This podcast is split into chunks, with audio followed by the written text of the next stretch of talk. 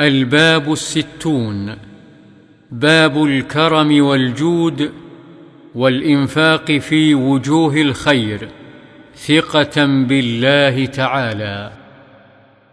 وعن ابن مسعود رضي الله عنه عن النبي صلى الله عليه وسلم قال لا حسد إلا في اثنتين رجل آتاه الله مالا فسلطه على هلكته في الحق.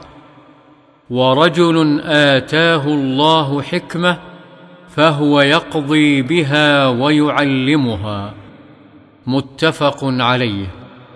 معناه ينبغي ألا يغبط أحد إلا على إحدى هاتين الخصلتين. وعنه رضي الله عنه قال قال رسول الله صلى الله عليه وسلم أيكم مال وارثه أحب إليه من ماله؟ قالوا يا رسول الله ما منا أحد إلا ماله أحب إليه. قال فإن ماله ما قدم ومال وارثه ما أخر. رواه البخاري. وعن عدي بن حاتم رضي الله عنه أن رسول الله صلى الله عليه وسلم قال اتقوا النار ولو بشق تمرة. متفق عليه. وعن جابر رضي الله عنه قال ما سئل رسول الله صلى الله عليه وسلم شيئا قط فقال لا متفق عليه. وعن أبي هريرة رضي الله عنه قال قال رسول الله صلى الله عليه وسلم ما من يوم يصبح العباد فيه إلا ملكان ينزلان. فيقول أحدهما اللهم أعط منفقا خلفا. ويقول الآخر اللهم أعط ممسكا تلفا. متفق عليه.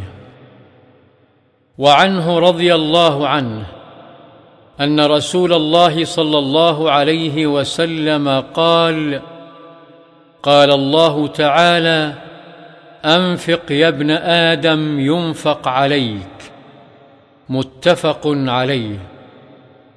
وعن عبد الله بن عمرو بن العاص رضي الله عنهما أن رجلا سأل رسول الله صلى الله عليه وسلم أي الإسلام خير؟ قال تطعم الطعام وتقرأ السلام على من عرفت ومن لم تعرف. متفق عليه. وعنه رضي الله عنه. قال قال رسول الله صلى الله عليه وسلم أربعون خصلة أعلاها منيحة العنز ما من عامل يعمل بخصلة منها رجاء ثوابها وتصديق موعودها إلا أدخله الله تعالى بها الجنة.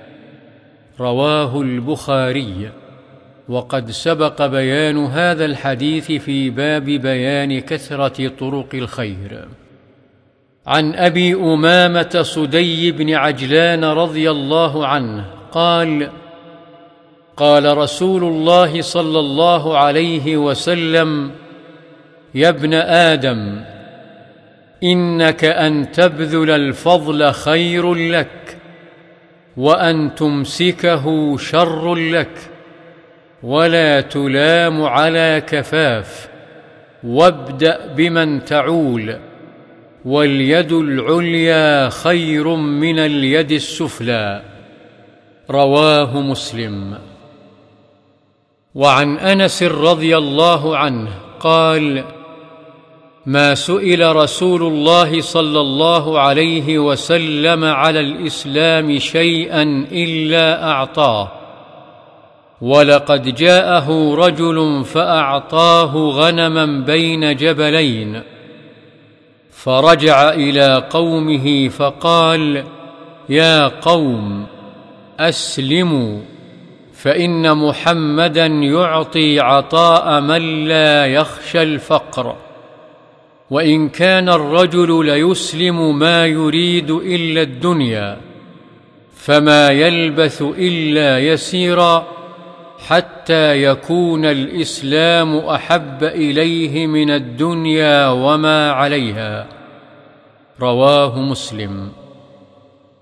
وعن عمر رضي الله عنه قال قسم رسول الله صلى الله عليه وسلم قسما فقلت يا رسول الله لغير هؤلاء كانوا أحق به منهم.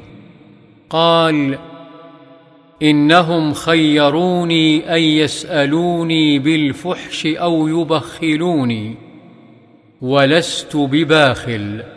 رواه مسلم.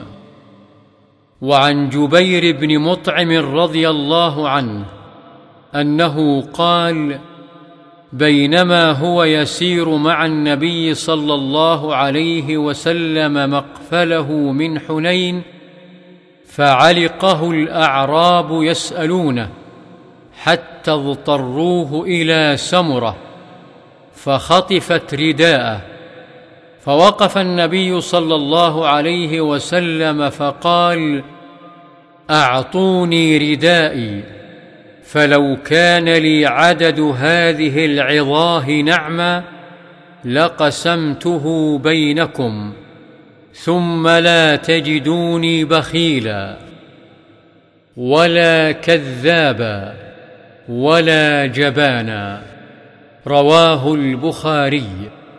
مقفلة أي حال رجوعه.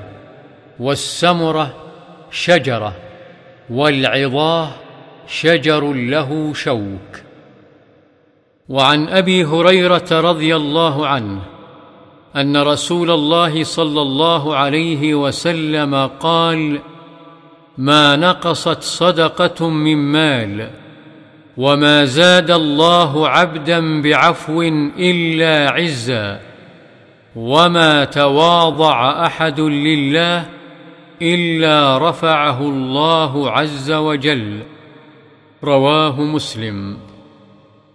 وعن أبي كبشة عمر بن سعد الأنماري رضي الله عنه أنه سمع رسول الله صلى الله عليه وسلم يقول ثلاثة أقسم عليهن وأحدثكم حديثا فاحفظوه. ما نقص مال عبد من صدقة. ولا ظلم عبد مظلمة صبر عليها إلا زاده الله عزا. ولا فتح عبد باب مسألة إلا فتح الله عليه باب فقر أو كلمة نحوها.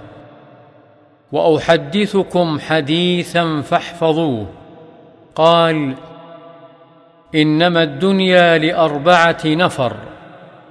عبد رزقه الله مالا وعلما فهو يتقي فيه ربه ويصل فيه رحمه ويعلم لله فيه حقا. فهذا بأفضل المنازل. وعبد رزقه الله علما ولم يرزقه مالا. فهو صادق النية. يقول لو أن لي مالا لعملت بعمل فلان فهو بنيته فأجرهما سواء. وعبد رزقه الله مالا ولم يرزقه علما فهو يخبط في ماله بغير علم. لا يتقي فيه ربه ولا يصل رحمه ولا يعلم لله فيه حقا فهذا بأخبث المنازل. وعبد لم يرزقه الله مالا ولا علما فهو يقول لو أن لي مالا لعملت فيه بعمل فلان فهو بنيته فوزرهما سواء. رواه الترمذي وقال حديث حسن صحيح.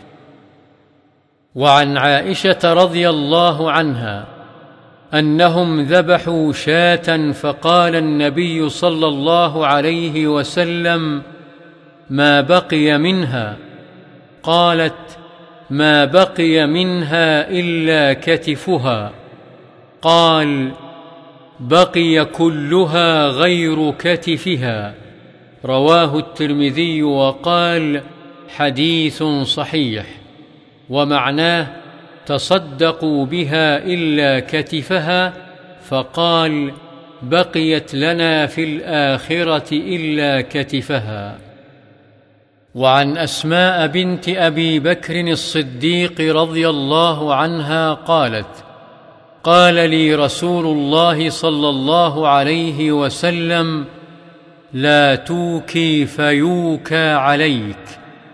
وفي رواية أنفقي أو انفحي أو انضحي ولا تحصي فيحصي الله عليك ولا توعي فيوعي الله عليك. متفق عليه. وانفحي بالحاء المهملة هو بمعنى أنفقي وكذلك انضحي. وعن أبي هريرة رضي الله عنه أنه سمع رسول الله صلى الله عليه وسلم يقول مثل البخيل والمنفق كمثل رجلين عليهما جبتان من حديد من ثديهما إلى تراقيهما. فأما المنفق فلا ينفق إلا سبغت أو وفرت على جلده حتى تخفي بنانه وتعفو أثره. وأما البخيل فلا يريد أن ينفق شيئا إلا لزقت كل حلقة مكانها. فهو يوسعها فلا تتسع.